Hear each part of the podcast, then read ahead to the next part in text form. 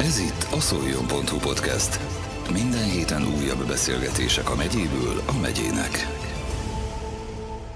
A szolnoki várnyitása egy várva várt esemény. Jelentősége igen nagy, sokak számára fontos küldetés. Dr. Kertész Róbert, a Damjanics János Múzeum régésze az eddig befektetett munkáról, a várakozásról, reményekről és a nyitás jelentőségéről is mesélt a Szoljon.hu podcast legújabb podcastjében. A mikrofon mögött Daróci Darattyát hallhatják.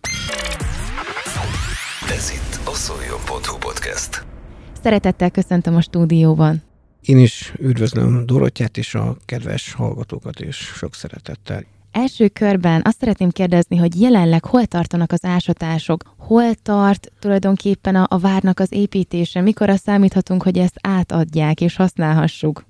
Éppen tegnap volt a Városházán egy projekt záró rendezvény. A várkerület fejlesztésére 1,7 milliárd forintot fordította az elmúlt évben a város, és azt hiszem, hogy ilyen volumenű kulturális beruházás nem nagyon volt, nem emlékszem legalábbis. Ez az összeg, ez kizárólag uniós forrásokból állt össze, ebben magyar adó fizetői forintok nincsenek, és ez egy céltámogatás volt, ami a várkerület fejlesztésére vonatkozott.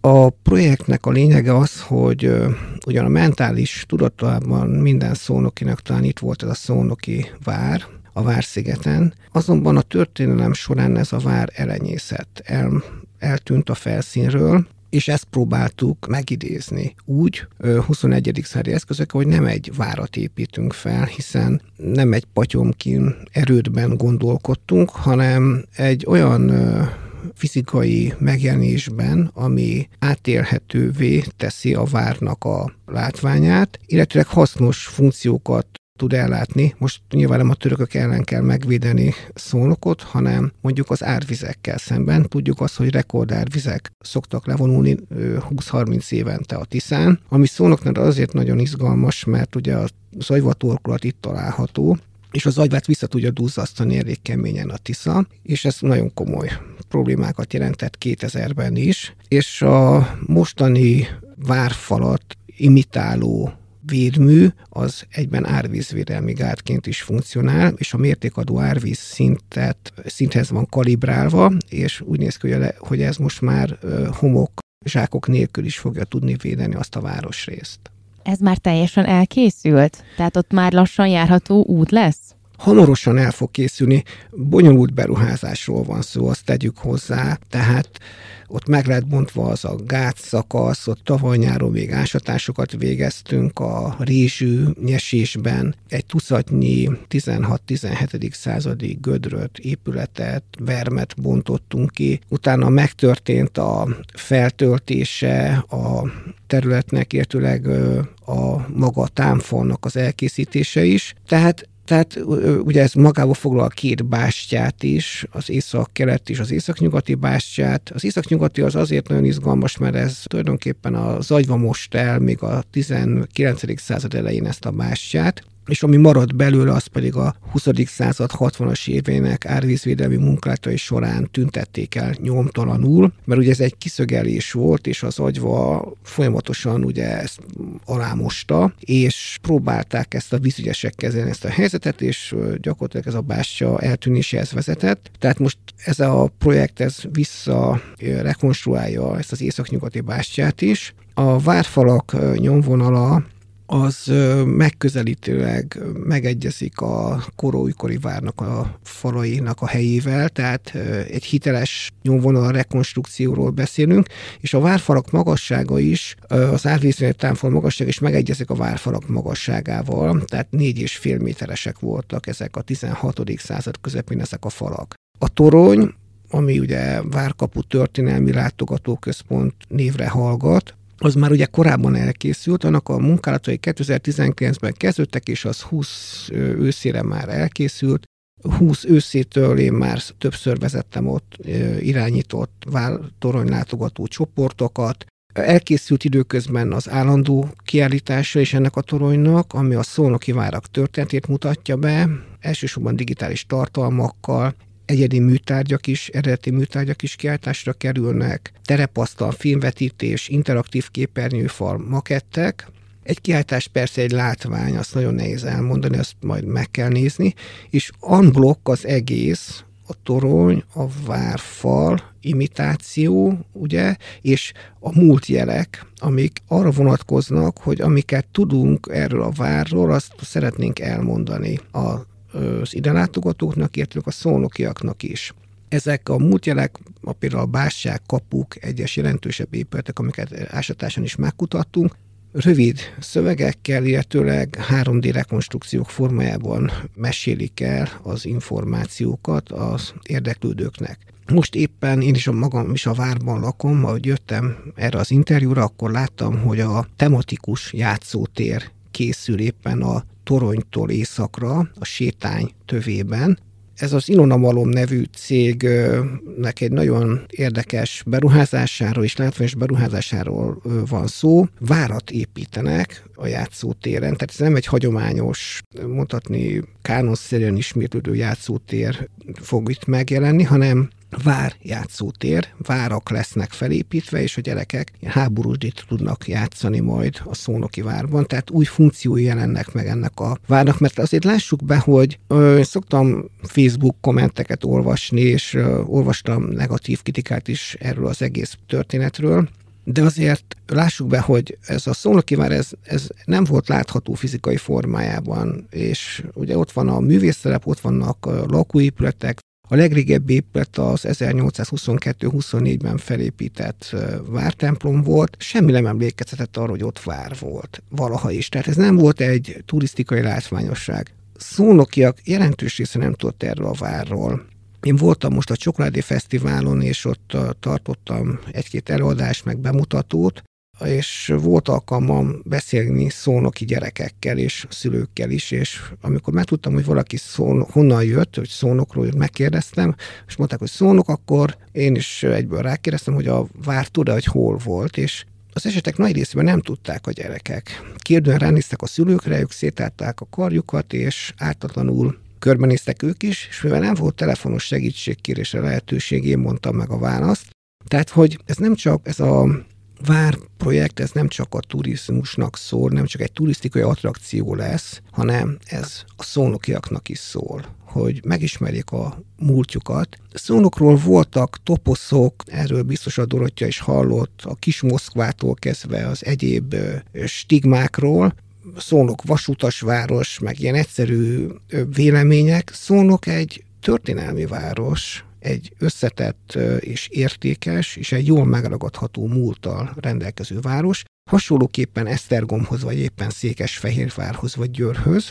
Ők azonban valahogy szerencsésebbek voltak, és a történelem viharából több épített örökségi elemük menekült meg, mint szolnoknak. És hát pont ezért voltak jelentősek azok a kutatások, amiket sikerült 2017 és 2019 között pont a VÁR projekt kapcsán elvégezni a VÁR területén, mert korábban csak nagyon kisfelöttű kutatások voltak néhány tíz négyzetméteresek, és itt ebben a nagy projektben 2017 és 2019 között 1492 négyzetméter tudtunk feltárni, ami a 60 ezer négyzetméteres Várszigetnek csak a két és fél százaléka, tehát töredéke, de ez már valami. Eddig azt kell, hogy mondjam, hogy nagyon kevés exakt ismeret állt rendelkezésre a szónoki múltról, szónok történelméről, ezt egyébként, akit érdekel, az a korábbi ásatásokat megelőző publikációkat elolvassa, végigböngészi, akkor ebből egyértelmű képet kap. Egy nagy csomó találgatás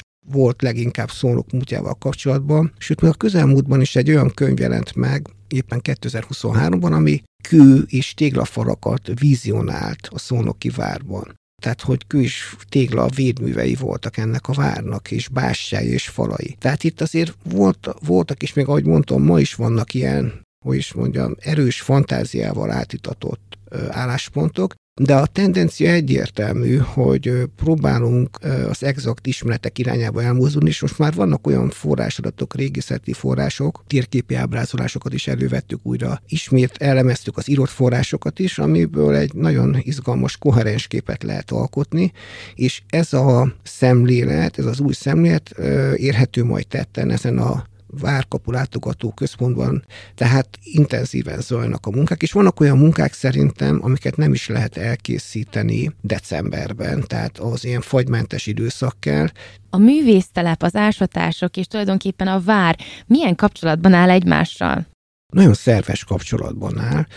2015 tavaszán, amikor kitaláltuk ezt az egész projektet, akkor pont a művésztelep Kert előtti tornászon ülve beszélgettünk a Verebes Györgyel, a művésztelepnek a művészeti vezetőjével, Álmos Árpád és Csendes Mónika építészekkel, a Városfejlesztő ZRT projektmenedzserével, Kertészné, Bokor Zsuzsával és egyéb turisztikai szakemberekkel arról, hogy hogyan lehetne egy olyan komplex projektet felépíteni, ami a, magába foglalná a várkület fejlesztésén belül a művészszerepnek a fejlesztését is, aminek egy jelentős szakasza lezárult, bár ott még a vártemplommal szemben ott a sarkon a művésztelepen, ahol mi ásatást végeztünk, oda még fel kell, hogy épüljön a művésztelepnek egy jelentősebb, többszintes épülete, és a, az, az alak sorában azzal a kaszárnya épülettel, a 16. század közepén épített kaszárnya épület, amit feltártunk, és nyilván úgy képzeltük el,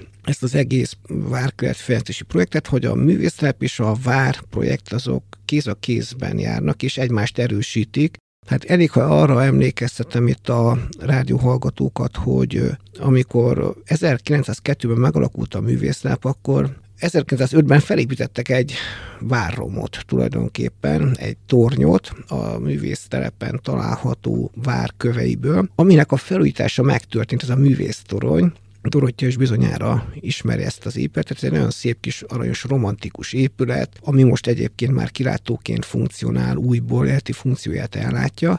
Tehát a művészek voltak az elsők, akik tettek is azért, hogy fizikai formájában, valójában megidézzék a várat, sőt 1934-35-ben ásatásokat is végeztek a művészek a vár területén. Kiovini Ferenc, Pólya Tibor, Pólya Iván, három jelentős művész a művészetnek, úgy döntött, hogy megkeresi a vár rejtélyes alagútjait, és ennek nyomába ered, és elkezdtek a Radnai Béla Damjani szobra mögötti részen a művésztelepen ásni. Találtak egy kutat, utána több helyen is dolgoztak, végül eljutottak a Várplébánia telkére, és ott találták meg a dzsámit, a törökkori dzsámit, és úgy gondolták, hogy ez egy középkori templom volt, amit a később a törökök átadottak dzsámivá. Tehát, tehát a szónoki újság erről tudósította is az érdeklődő szónokiakat.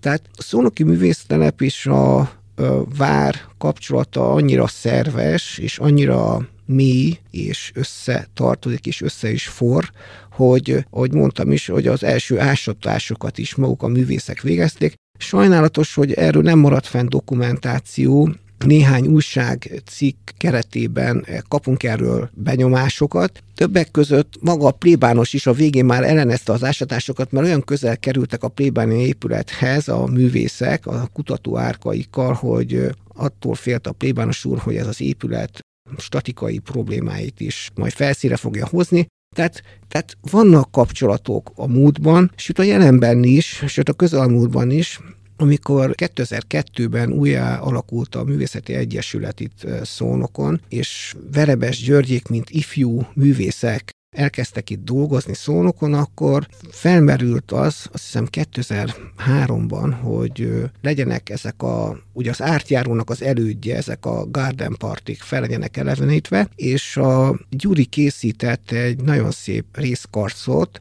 az a cím, hogy Angyalok a szónoki művésztelepen, a torony környék körül ülnek művészek, akiknek szárnyaik vannak, ugye angyalok, és éppen dolgoznak, és éppen képet készítenek.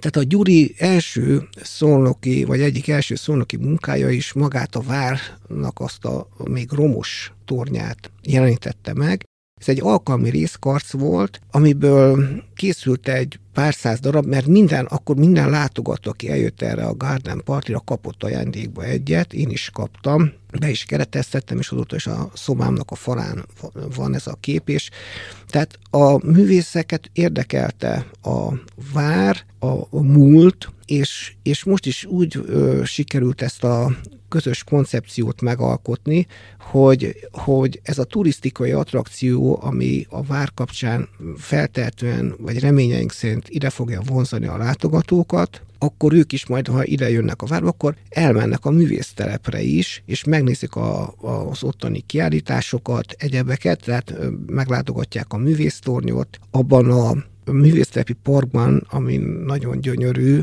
most már ugye több mint száz éves a fáknak egy jelentős része, ami ugye még 1902-ben facsemeték voltak, lehet látni a régi képeslapokon, azok most már terebélyes fákká nőttek, tehát egymást erősítik ezek a projektek. És mivel a toronynak az üzemeltetője a reptár lesz, tehát úgy néz ki, hogy megvalósul az a turisztikai folyosó, ami a reptár és a vár között van, tehát aki eljön mondjuk a reptárba, ott lerakja az autót, megnézi a kiállítást, eljön a, végjön a Tisza parton, ami egy óriási értéke szónoknak, be is térhet a Szónoki galériába is útközben, vagy akár a Szónoki Dalmanis János Múzeumban is, de egy a lényeg, hogy utána eljön a turisztikai végpontig, a várig, és ott megnézi a vártölteti kiállítást, a múltjeleket, tehetett sétát a várban, a művésztelep kertjében, és megnézheti a művésztelep kiállításait is. Tehát Szónokon a képzőművészetnek óriási hagyománya van. A maga a szónoki képtár is, ami a Damjanics János Múzeum első emetében található, ami a történeti anyagát mutatja be a művésztelepnek, az is egy óriási érték. Tehát szónok tele van értékekkel, és, és hát ezek az értékek, ezek napi szinten is gyarapodnak. Tehát a művészlepen olyan aktív munka zajlik napjainkban is, hogy több mint száz művészt fogadtak ebben az évben a bronz öntő mű triennálé, vagy biennálé, azt hiszem kapcsán, vagy grafikai programok is zajlanak, és itt is alszanak a művészek. Tehát, tehát egy élettel van megtöltve a művésztelep, és hát szerintem a Szolnoki vár is nagyon sokat köszönhet annak, hogy 1902-ben az a művésztelep ott megalakult, hiszen ha nem lett volna ott a művésztelep, akkor biztos, hogy a, a kommunizmus időszakában oda egy nagy lakótelepet építenek, és el, eltüntetnek, elpusztítanak mindent, de mivel a művészet, képzőművészet az fontos volt a szocializmus időszakában is, ezért nem nyúltak hozzá ez a területhez. Úgyhogy kéz a kézben, mint egy kétágú síp, tudom elképzelni a jövőben is a várnak és a művészetnek az együttműködését. Ön szerint az ásatások tekintetében van még valami, amit fel lehetne fedezni?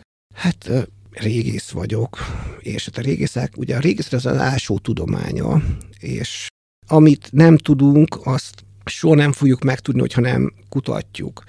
Most szónokról és a szónokiváról vannak most már ismereteink. De hát, ahogy említettem is, a két és fél százaléka van megkutatva a szónoki várnak, és vannak még szabad területek a vár területén, tehát a művésztelep parkjára gondolok, vagy a Szent István tére, a Gutenberg tér, jelentős része egyébként már ugye lakott terület, de én ástam még 2010-ben a Bástya utca 9-ben, ahol egy lakóház építését megelőzően dolgozhatunk ott, az egy óriási élmény volt, ott megtartok a várnak a keleti falát és a várárkot.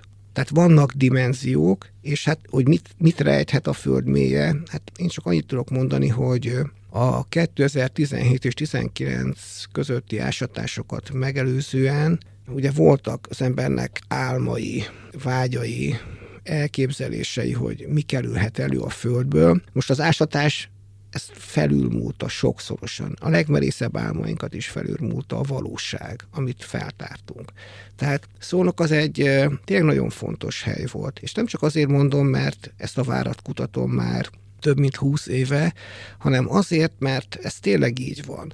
Most, hogy ugye megtörténtek az ásatások, és feldolgozzuk a leleteket, amiket ugye kiástunk, több tízezer leletről van szó, lehet látni, hogy a fontosabb központokhoz hasonlóan Buda, Szeged, Gyula, mérhető Nagyvárad, mérhető egy szinten szólok. Tehát az épített örökséget nézve, vagy a leheteket is szemügyre véve, tehát olyan épületet találtunk, csak hogy példaként említem itt Szónokon, a pont a létesítendő művészrebdélketi sorkánál található nagyobb szelvényünkben, ami nincs Magyarországon, még nem talált senki, egy olyan oszmán palota épületet, ami két szintes volt, volt egy földszintje és egy emelete, 164 négyzetméteres volt egy szintje, toalett is volt benne, és olyan épületek, az épületen belül szobák, illetőleg kájhák, megtartó a konyhát, nyílt tűzhelyjel, nyers agyagtégla falazata volt neki, ami Kis-Ázsiában még most is használnak a törökök. És még Magyarország területén ilyen épületet, ja, és favázas merevítése volt ennek az épületnek, tehát ilyen fafverk típusú épületet kell elképzelni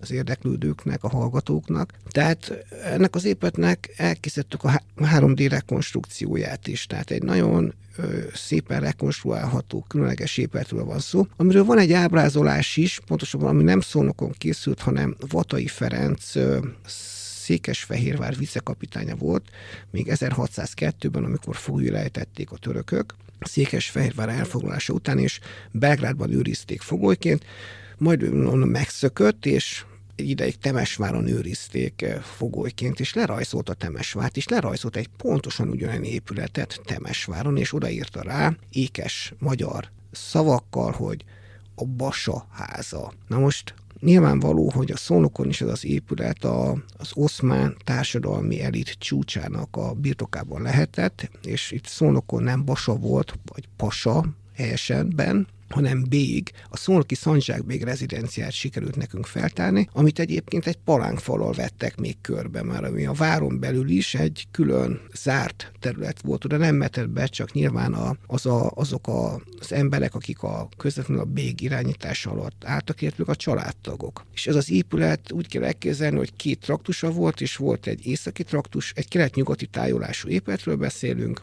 délfelé egy ilyen tornácos nyitott épület traktust kell elképzelni a földszintre és az első emeleten, és ez a nyitott rész pontosan a dzsáminak volt tájolva, ami a vízi kapunál volt tulajdonképpen, a, amit még a művészek találták meg, találtak meg 1935-ben, és utána később ezt sikerült megkutatni rendesen is Kaposvári Gyula múzeumigazgatónak köszönhetően, és mi is 2017-ben azonosítottuk a minarett alapozását és a, az északi falát ennek a dzsáminak. Tehát nem véletlen, hogy Például a török korból sikerült egy épületet is, ezt a oszmán palota épületet is, a dzsámit is azonosítani. Három jelentős épülete volt ennek a várnak, és nyilván voltak itt lakóépületek is, amikből szintén tártunk fel részleteket. Tehát nagyon érdekes az, hogy mi várható itt a kérdésére visszakanyarodva, hiszen azt mondom, hogy bármi előkerülhet. Hát találtunk például ebben a palotóépületben egy olyan sárkányplasztikát, ami például az oszmán művészetben sincs ilyen kis plastika. Nem tudom, hogy ön látta ezt a kis tárgyat, ez egy publikált lelet, egyébként most éppen legutóbb a Szolnoki Csokoládé Fesztiválon vittem le ezt a leletet, és volt egy sárkány szelidítés a gyerekeknek, hogyha kesztyűt húztak és megsimogatták a sárkányt, akkor meg lehetett szelidíteni ezt a szónoki sárkányt. Tehát például ez a sárkány, ez egy ö, rézötvözetből készített ö, gyönyörű egyedi műtárgy, nincs párhuzama neki a világban sem sehol és úgy néz ki, hogy Közép-Ázsiában készült a mai Irán területén, és a Sejemút közvetítésével kerülhetett az oszmán birodalom fővárosába, Konstantinápolyba, és onnan pedig ide az oszmán végekre, a szónoki székhelyre, az oszmán, ugye szónoki Szandzsákbék palotájába. Tehát egyedi műtárgyak is várhatók, vagy vagy mondhatnék egy olyan másik példát is, ami szerintem nagyon plastikus. 2015-ben került a tudomásomra az az információ, hogy 1996-ban, amikor egy mélygarást építettek a Szent István tér 4-ben, akkor előkerült egy kőfaragvány, amit egy arra járó szolnoki elkért a munkásoktól, és azt mutatták meg nekem 2015-ben, és az kiderült, hogy Mátyás király lovászmesterének, Páró címre Imrének volt a sír fedlapja töredéke. Sikerült kikutatni róla. Tehát, hogy itt, ami vörös márványból készült. Tehát itt azt gondolom, hogy szónok esetében rengeteg különleges lehet várható, és ahogy mondtam is, vannak még feltáratlan részek, jelentős is a feltáratlan ennek a Várszigetnek, de mi most annak örülünk, ami fel van tárva, és kollégámmal, Ádám Márk régésszel azon dolgozunk, hogy az ott feltárt lehetanyagot azt publikáljuk, és elkészültek már kisebb tanulmányok, most terveink szerint egy könyv fog megjelenni, ennek a kézirata már elkészült, amiben, ami arról szól, hogy az a cím, hogy a Szolnoki vár lokális, regionális, globális, interkontinentális kapcsolatok. Tehát ezeket a mert még kínai porcelánt is találtunk a 17. századból, tehát, és van egy olyan kolleginánk, aki kifejezetten kínai ö, leheteknek a feldolgozásával foglalkozik, és ők is bemondtuk ebbe a kutatócsapatba, és azt is tudjuk, hogy milyen ö, kínai műhelyben készült az a kis porcelán csésze, amit itt Szolnokon találtunk. Tehát ez egy nagyon összetett, nagyon komplex munka. Találtunk itt izniki és kütahiai fajanszokat is. Találtunk olyan tárgyakat, amik a Balkánon készültek, vagy éppen felvidéken, gömöri régióból származnak, vagy talán éppen Erdélyből, a Körös völgyéből készültek olyan fazekak, például jegyzetes festett edények, fazekak, amik, amik nyilván egy kelti kapcsolatot mutatnak. Tehát egy nagyon összetett kapcsolatrendszerrel rendelkezett, most az oszmán időszakról beszélek, szónok, de például feltártuk az Árpád-kori ispáni várnak az egyik erődítési árkát, abból pedig olyan lehetet találtunk, ami szintén nincs Magyarországon, vagy elég még nem került elő, egy tatár leletet találtunk. Szónok tatárjárás során pusztult el 1241 tavaszán, ez volt az első elpusztulása a településnek, és ezt egyetlen egy írott forrás sem támogatta eddig, vagy nem erősítette meg. Mi most ebben az erődítési árakban találtunk egy olyan tárgyat, egy lakatnak a testét, egy bronz öntvényről beszélünk, kb.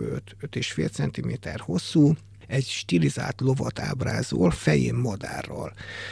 És ennek a tárgynak az analógiái, a párhuzamai az, az Aranyhorda fővárosában, innen Szónoktól 1400-1500 kilométerre keletre találhatók, új Szarályban, és ott, ott kifejezetten a tatár etnikumhoz köthetők, illetőleg éltek még tatárok a Balkánon, Dobrudzsában is, Dél-Dobrudzsában is, ami most Bulgáriához tartozik, és Kaliakrában is találtak hasonló tatárleleteket.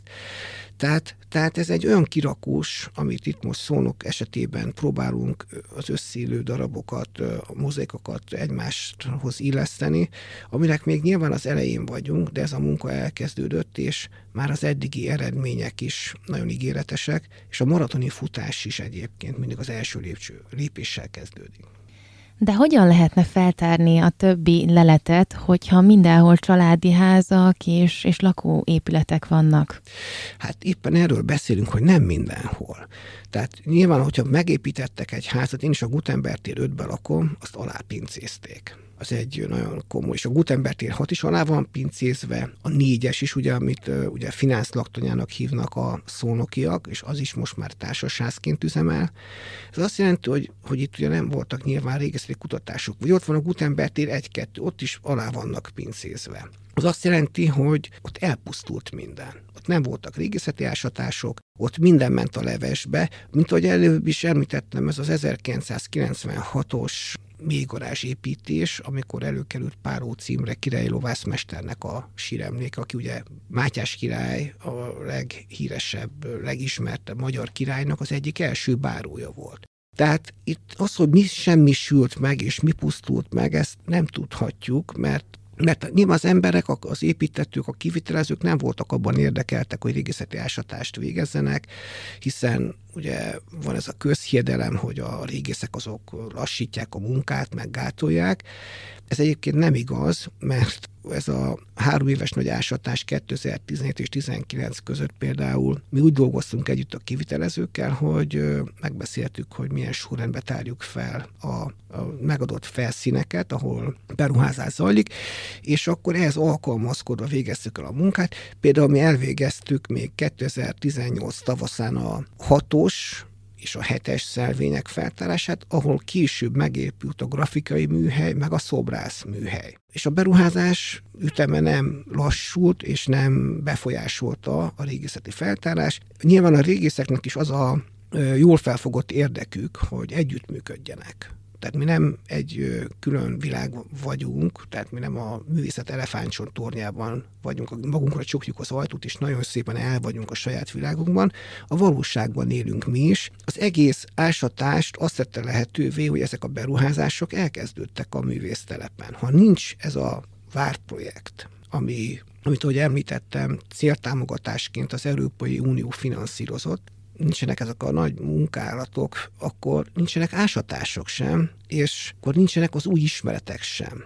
És ami nincs, ugye az nem hiányzik, és akkor lehetne továbbra is dobálózni olyan toposzokkal, hogy vasutas szólnok, meg, meg Kis Moszkva, meg, meg úgy se tudunk semmit. Tehát komoly régi szakemberek írták még a 2010-es években, hogy szónok múltja nem kutatható, mert be van építve, és a leletek meg olyan töredékesen és olyan mélyen helyezkednek, hogy azt nem érdemes feltárni. Komoly kutatók, minősített kutatók írtak ilyeneket, és nyilván a valóság, az az ásatás, ugye amiről beszélünk, a, az ásó tudománya, az fényesen cáfolta ezeket a az előzetes megállapításokat, és kiderült, hogy nem, hogy érdemes szónokot, hogy lehet kutatni, hanem kifejezetten üdvös dolog, hiszen olyan új ismeretek tömege várható ezektől a kutatásoktól, amik alapvetően változtatják meg az eddigi képet Szolnokról. Tehát Szolnok az egy történelmi város volt. Ezt ezzel a szóval meg kell barátkozni a szolnokiaknak, azoknak a szolnokiaknak is, akik eddig ebben nem hittek, vagy nem ebben gondolkodtak. Egy nagyon értékes, és a múlt is lehet értékes, és a, és a múlt is lehet például a turisztikai vonzerő. Tehát mikor 2015-ben megalkottuk ezt az alapkoncepciót, akkor még nem voltak ásatások. De én nagyon reméltem, hogy ha majd lesznek, akkor tudunk olyan leheteket feltárni, amiket majd be tudunk mutatni a toronyba.